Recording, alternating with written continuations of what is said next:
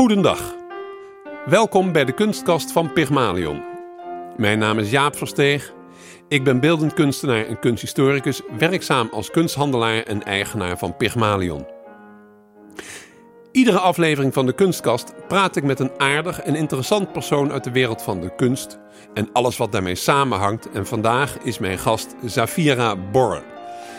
Zafira is de dochter van de kunstenares René Stotijn en de violist Dick Bor. Zafira, welkom in de kunstkast van Pygmalion. Dankjewel Jaap, ontzettend leuk om te gast te zijn. Laten we beginnen bij jou als persoon. Um, ik wilde eigenlijk vragen, hoe is jouw jeugd geweest als kind van twee artistieke ouders? Maar voordat we beginnen is het misschien beter om te vertellen de aanleiding voor dit gesprek. Jouw moeder is overleden in 2020 en na het overlijden van jouw moeder heb jij in haar huis een fantastische ontdekking gedaan. Kan je daar heel kort iets over vertellen? Nou ja, dat klopt. Ik heb een wonderlijke vondst, mogen we wel zeggen, gedaan in uh, ja, de keukenkastjes. Bij het uitruimen van haar huis uh, ja, dacht ik uh, de keukenkastjes leeg te ruimen en misschien wat glazen, misschien wat borden aan te treffen. Maar ik trof honderden, zo niet duizenden kunstwerken aan. tussen dubbele plafonds die ze stiekem had laten aanbrengen, dubbele muren. En die had ze allemaal heel zorgvuldig en heel dik opeengepakt in die kast gedaan. En niemand wist ervan. Ik niet, mijn zus niet, mijn tante die onder ons woonde ook niet. Niemand. Ik, het, het was een, een volkomen verrassing. Bizar bijna. Um, voordat we hierop verder gaan, jouw familie is een hele bijzondere familie. Dus het feit dat jouw moeder de kunsten in is gegaan, past wel een beetje in de lijn der verwachting als, we, als je naar jouw familie kijkt. Want jouw grootvader, in ieder geval de grootvader van vaderskant Bor, Jan Bor, was ook kunstschilder. Kan je iets over hem vertellen? Over je grootvader, de schilder Jan Bor? Ja, Jan Boor, uh, de vader van uh, mijn vader Dick Boor, die was inderdaad kunstschilder. Hij schilderde werken in uh, het magisch realisme. En nou ja, ontzettend mooie kunstwerken. Een heel andere stijl overigens dan waar mijn moeder in werkte. Um, maar zeker een eh, zeer, zeer uh, begaafd kunstenaar ook, ja. Ja, ik zit hier bij jou in je uh, appartement en daar hangen ook twee schilderijen van Jan Bor.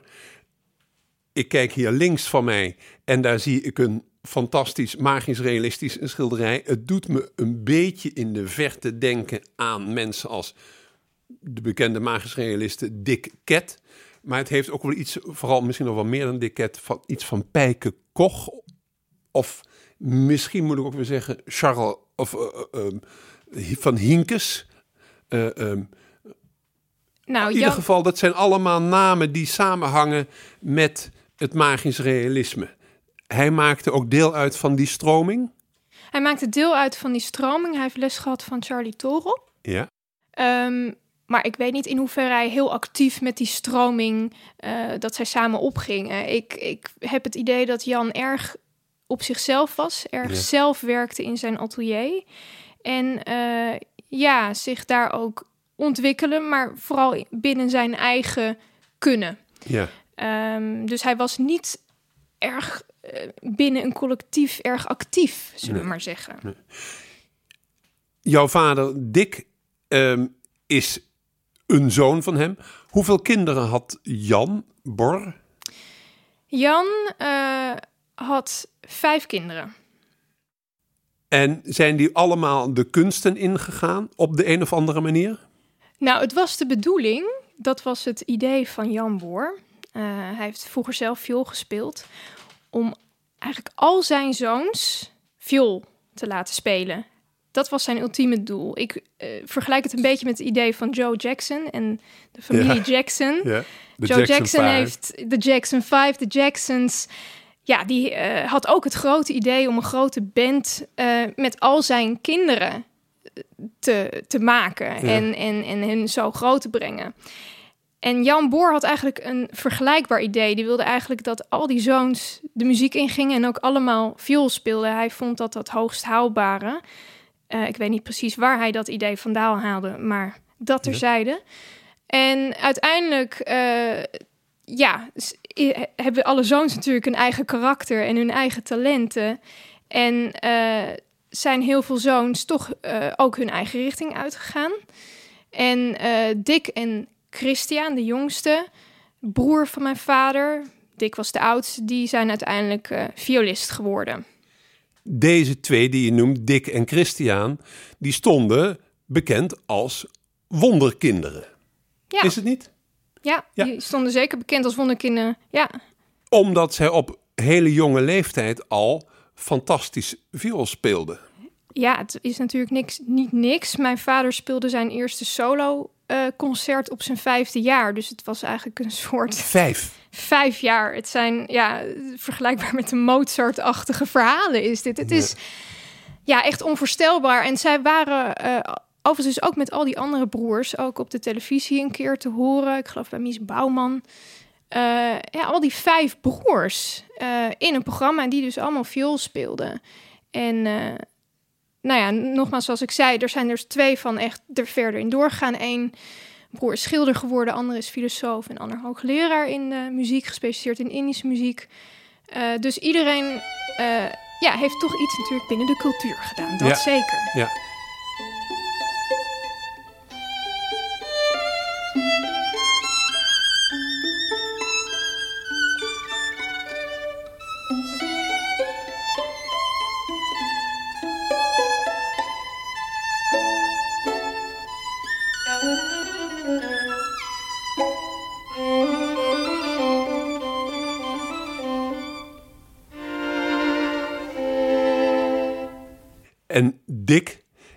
Heeft jouw vader heeft op een bepaald moment jouw moeder ontmoet. Ja.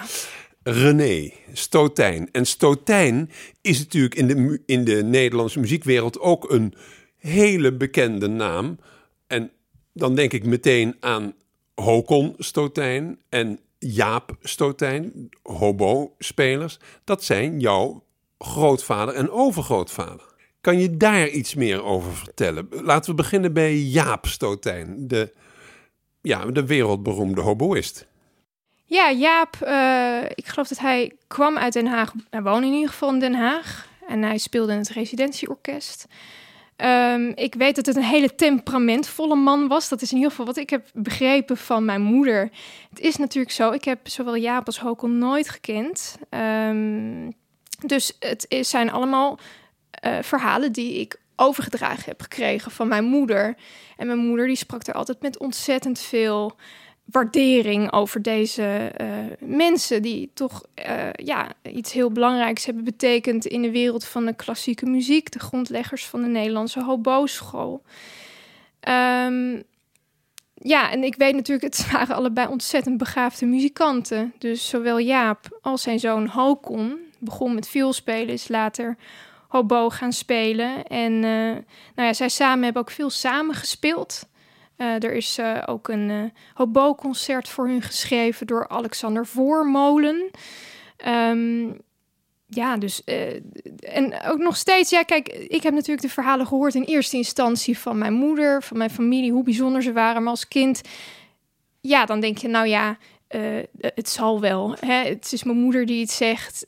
ik geloof het daar niet van, maar je kan nog niet helemaal inschatten hoe bijzonder dat is, totdat je eigenlijk begint te praten met mensen die ook in de klassieke muziekwereld zitten. En als je dan de naam Stotijn noemt, dan hoor je, wauw, Stotijn, is dat familie? Wow! En eh, dat heeft dus kennelijk nog steeds, na al die jaren, heel veel invloed. Ja, maar jouw moeder, René, is niet de muziek ingegaan, maar is de beeldende kunstkant uh, opgegaan. Dat klopt. Ja, maar... Is zij de enige in de familie Stotijn die is gaan schilderen? Volgens mij wel. Dat, uh, wat ik overigens wel wil nadrukken, haar uh, moeder, uh, Mieke Lindemans uh, Stotijn toen ze getrouwd was met Hokon, had een enorme talent ook voor tekenen en schilderen. Ik heb ook van haar tekeningen gezien. En ik was daar echt ook behoorlijk van onder de indruk. En zij heeft ook op de kunstacademie lessen gevolgd. Dus dat talent van de beeldende kunst kwam denk ik ook uh, van moederskant. Um, maar ik wil ook benadrukken dat René een enorm muzikaal talent had. Was enorm muzikaal. Hij heeft ook uh, over, overwogen om naar het conservatorium te gaan en te gaan zingen. Maar uiteindelijk haar hart lag echt bij de beeldende kunst. En uh, ja, dat heb ik ook wel gezien aan de vondst, uh, hè, de schat eigenlijk, ja. ja. kan ik het wel noemen, die ik heb gevonden in huis. Want zij heeft geproduceerd als een gek eigenlijk zoveel kunstwerken en uh, ja, zo'n talentvolle uh, persoon. En ik denk dat ze toch die keuze heeft gemaakt omdat ze dat diep van binnen, dat was wat het dichtst bij haar lag. Ja, laten we even kijken dan naar haar, het begin van haar uh, loopbaan als kunstenares. Um, zij heeft de Rijksacademie gedaan, klopt dat? Ja, klopt. Ze heeft de Rijksacademie gedaan. Um, ze heeft daar hele intensieve lessen ook gevolgd. Ze werd ook gezien als een exceptioneel getalenteerde studente. En dat bleek uh, uit het feit dat zij een loge kreeg. En dat kregen eigenlijk alleen uh, bepaalde uh, studenten. En een loge is ja een eigen atelier waarin zij zelf kon werken. Um, en ik meen ook dat de meeste kunstwerken die ik heb gevonden uit die periode komen. Kan je iets zeggen over haar uh, docenten? Weet je wie, van wie had zij les? Wie waren haar docenten? Ja, zeker. Uh, dat was Otto de Kat. Ja. Um, Sierk Schreuder. Ja, zeker. Ja. Sierk Schreuder is ook vooral bekend geworden eigenlijk als schilder van naakte, veel modelstudies. Otto de Kat heeft ook veel stillevens geschilderd. Ja, ik mis er nog één. Uh, maar ze heeft natuurlijk van meerdere uh, mensen les gehad. Ja. Maar ik weet ook Misschien niet Willem van alles. den Berg? Professor Reuling. Oh ja, ja, zeker. Ja. Ja, ja zeker. Maar goed, uh, volgens mij heeft ze behoorlijk veel. Ze heeft zes jaar les gehad. Dus ik denk dat dit rijtje nog lang niet compleet is.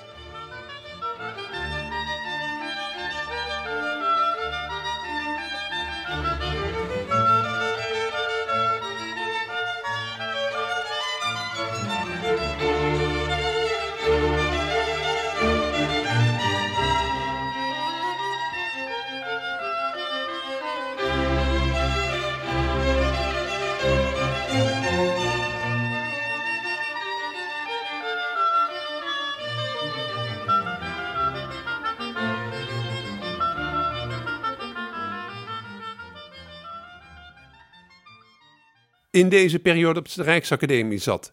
Had ze toen al contact met Dick, met je vader? Nee, nee, dat is vlak daarna eigenlijk gekomen. Hoe hebben ze elkaar leren kennen? Heb je enig idee?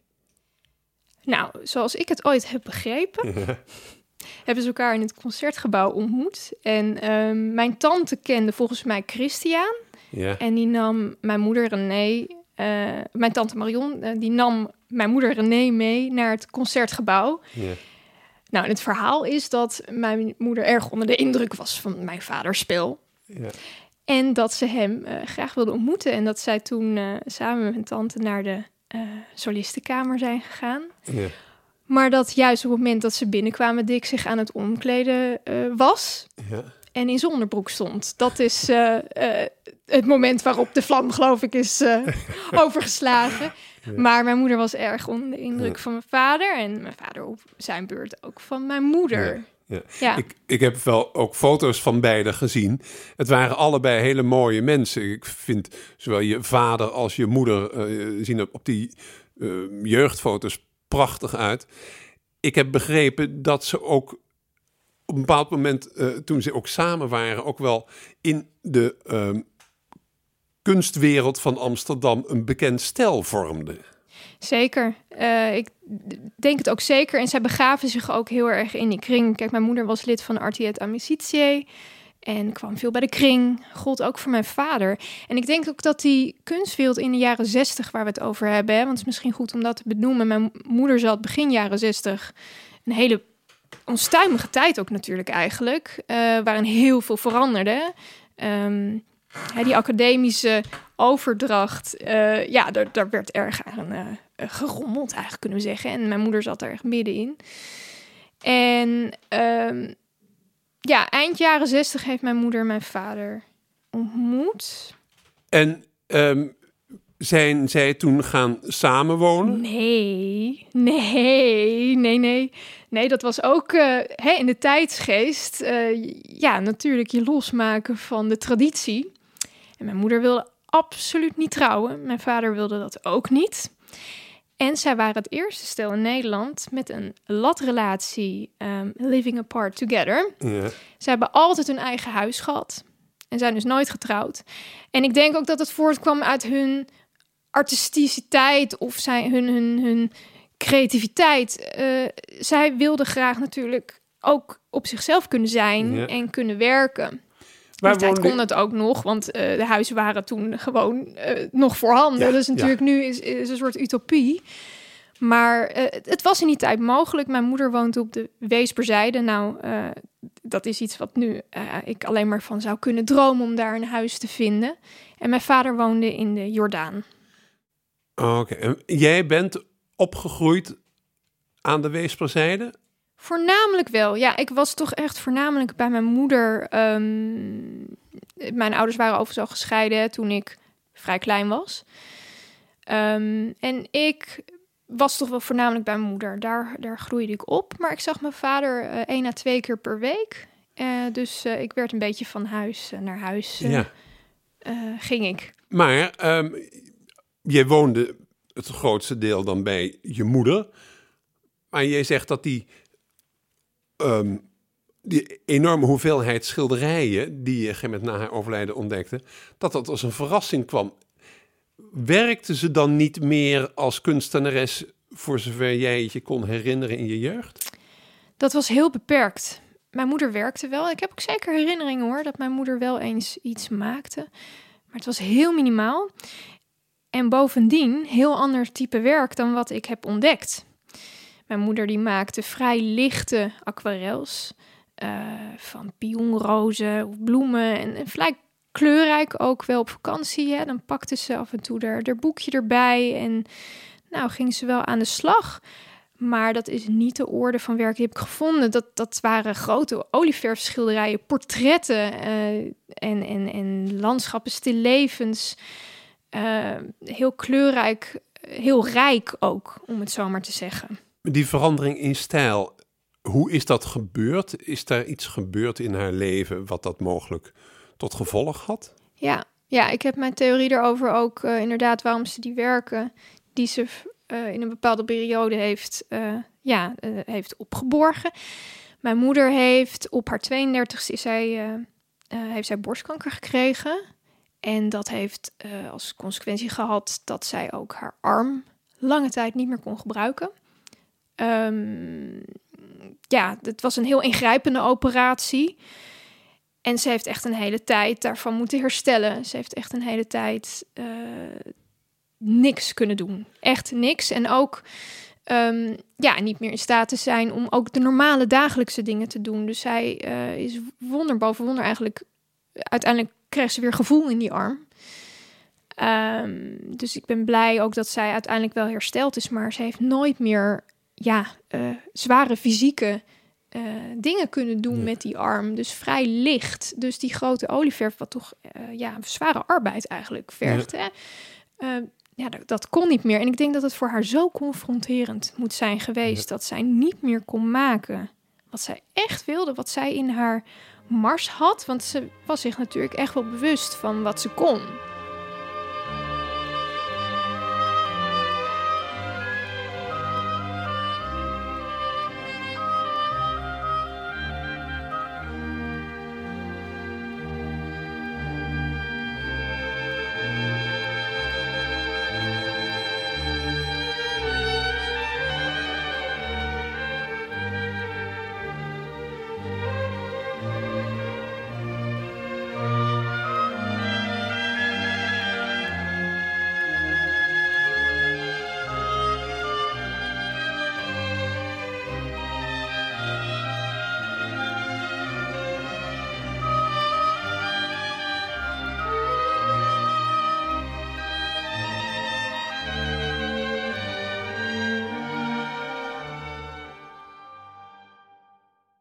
Maar het moet voor jullie als kinderen ook een hele confronterende, moeilijke periode zijn geweest. Ja, nou die periode dat zij ziek is geworden, dat was in 1972. Uh, dus dat is voor de geboorte van uh, mijn zus. Ja. is geboren in 76. Ik heb een oude zus dus, Esmee. En ik ben geboren als laatkomertje. Ja. Of nakomelingetje in 1987. Mijn moeder was toen overigens al 47. Ja, uh, ja natuurlijk bijzonder om voor een vrouw om dan op die leeftijd nog een kindje te krijgen. Dus dat trauma, dat speelde altijd wel een rol, maar ze was daar niet heel open over. En zij, in jouw jeugd, zij was wel al door aan het schilderen? Nee, nee, ze was helemaal niet al aan. Nee, in tegendeel, nee. Mijn moeder was, het was een beetje ongrijpbaar waar mijn moeder eigenlijk de hele dag mee bezig was. Uh, zij was eigenlijk al zo druk met gewoon het alledaagse uh, handelingen dat ze eigenlijk helemaal niet toekwam aan schilderen. Ze had wel een vrij complexe persoonlijkheid. Ik ben er momenteel ook uh, over aan het schrijven. Ik probeer er een beetje de vinger op te leggen hoe het nou precies zat met mijn moeder. Want je probeert toch als kind ja, te verklaren van... Goh, hoe is dit nou zo ontstaan? Hoe komt iemand erop om nou al die schilderijen nou in die keukenkastjes te gaan doen? Je wil daar toch een antwoord op. Dus um, ja, ik denk dat de verklaring inderdaad ligt in haar ziekte. Maar het kan ook zijn dat het natuurlijk andere uh, oorzaken aan ten grondslag liggen. Ja, en ik heb het werk van je moeder, niet alles natuurlijk, maar ik heb uh, verschillende werken ondertussen uh, gezien. Werken die je hebt ontdekt. Ik vind ze prachtig. Het is werk wat wel aansluit bij de traditie van de Rijksacademie. Ik herken er wel enigszins de um, hand in van docenten als een Otto de Kat en um, Schreuder. Maar het heeft echt een hele um, krachtige uitstraling. Dat kende je dus niet van haar. En dat zijn jullie toen na haar overlijden opeens ben je daar opgestuit. Kan je dat nog eventjes verder vertellen hoe dat ging? Absoluut. Jullie gingen dat huis opruimen? En... Ja, uh, wij waren het huis aan het opruimen. En dat duurde een hele poos. Ik zal er niet heel erg diep op ingaan, maar mijn moeder verzamelde alles en bewaarde ook alles. Dus wij waren ontzettend lang bezig om dat huis uh, nou ja, een beetje op orde te krijgen. En uh, op een gegeven moment kwamen we toe aan de keuken. En ik stond op een hoge uitklaptrap. En uh, ik dacht, nou, dit kastje heb ik nog niet gehad. Bovenin, zwart geschilderd, onopvallend. Laat ik eens even die trap oplopen en het deurtje openen. En ik stond daar dus een beetje wiebelend dat, voor het deurtje. Ik open het en ik zie daar opgepakt, opeengepakt, allerlei schilderijen, allerlei tekeningen. En ik trek natuurlijk ze er één voor één uit. En ik was eigenlijk geschokt. Ik dacht, wat is dit? Het, het, het, was prachtig. Dat ten eerste, dat, dat staat buiten kijf. Maar ik was natuurlijk ook op dat moment wel geëmotioneerd. Ik dacht, waarom wist ik dit niet? Ja. En hoe kan dit? En waarom? En je hoe... moeder ja, ja, je krijgt natuurlijk allerlei vragen. Ook, ook praktische vragen. Ik dacht, hoe heeft dit de tand destijds doorstaan met al die rook van uh, ons koken? en onze, uh, onze badkamer zat er ook vrij dicht naast. We hebben het natuurlijk niet over een enorm groot huis. Uh, en ook een enorm oppervlak. maar wel een enorme hoeveelheid werken. Nou ja, het, ik vind het eigenlijk een hele prestatie dat ze dat voor elkaar heeft gekregen om dat allemaal zo compact bij elkaar te doen. Ja. Um, ja, het was echt uh, wonderlijk. En ze heeft het wel bewaard. Dus ze was er zich wel. Eigenlijk was ze, als ik dit goed begreep, was ze er heel erg aan gehecht. Want ze wilde het dus niet wegdoen. Maar ze wilde het ook weer niet laten zien. Nee, het was dingen wegdoen was voor mijn moeder uitgesloten. Mijn moeder had heel veel moeite om afstand van uh, haar eigen werk natuurlijk te doen. Um, maar ook dat, dat gold niet alleen voor de werk, dat gold ook voor andere dingen. Ja. En um, ja, en dat verbergen, ja, waarom ze dat zo angstvallig ja. heeft verborgen. Ja, het blijft toch wel een beetje gek. Ook tegenover je eigen dochters. Maar misschien, ja, uh, vond ze dat toch gewoon moeilijk. Ja. En uh, ja, er speelden zich kennelijk allerlei processen in haar hoofd af waar ik de vinger niet op kan leggen. Nou, ik ben in ieder geval heel blij, Safira, dat jij je nu heel erg inspant om haar werk weer onder de mensen te brengen, want het is erg mooi werk. Ehm, ik heb een laatste vraag. Zoals je weet was Pygmalion een beeldhouwer uit de Griekse mythologie die zijn schoonheidsideaal realiseerde in een beeld en daar vervolgens verliefd op werd. Als wij dit gegeven vertalen in een vraag, wat is jouw persoonlijke kunstideaal dat je ooit nog tot leven zou willen wekken? Nou, grappig genoeg ben ik uh, eigenlijk wel een klein beetje al in die richting aan het werk. Uh, mijn moeders werk ligt heel dicht uh, ja, binnen de lijn van wat ik een heel mooi schoonheidsideaal vind. En ik ben heel actief om dat zoveel mogelijk te delen met de mensen. Ik heb dat eigenlijk vanaf begin af aan gedaan door dat op sociale media te zetten, uh, exposities te organiseren en nou ja, nu er ook zoveel mogelijk aandacht voor te genereren. Um, maar ik denk dat het ook heel mooi zou zijn, ook in de lijn van de traditie van onze familie, om dat te verbinden in een wat groter uh, project waar ook muziek en andere kunstvormen uh, binnen een mooi evenement bijvoorbeeld uh, ja, aan verbonden worden. Mijn moeder is ooit ook ja, decorschilderes geweest, dus zij werkte toen ook binnen een geheel van een groter kunstwerk, waar dan kunst dan ook de deel uitmaakt. En ik denk dat dat heel mooi zou zijn om, om haar werk ook in een groter geheel plaats te geven met muziek, maar misschien ook met dans of met poëzie, ik noem maar wat. Um, dat is uh, denk ik wel een mooie droom. Fantastisch. Safira, heel veel dank voor dit gesprek. Dank je wel, Jaap.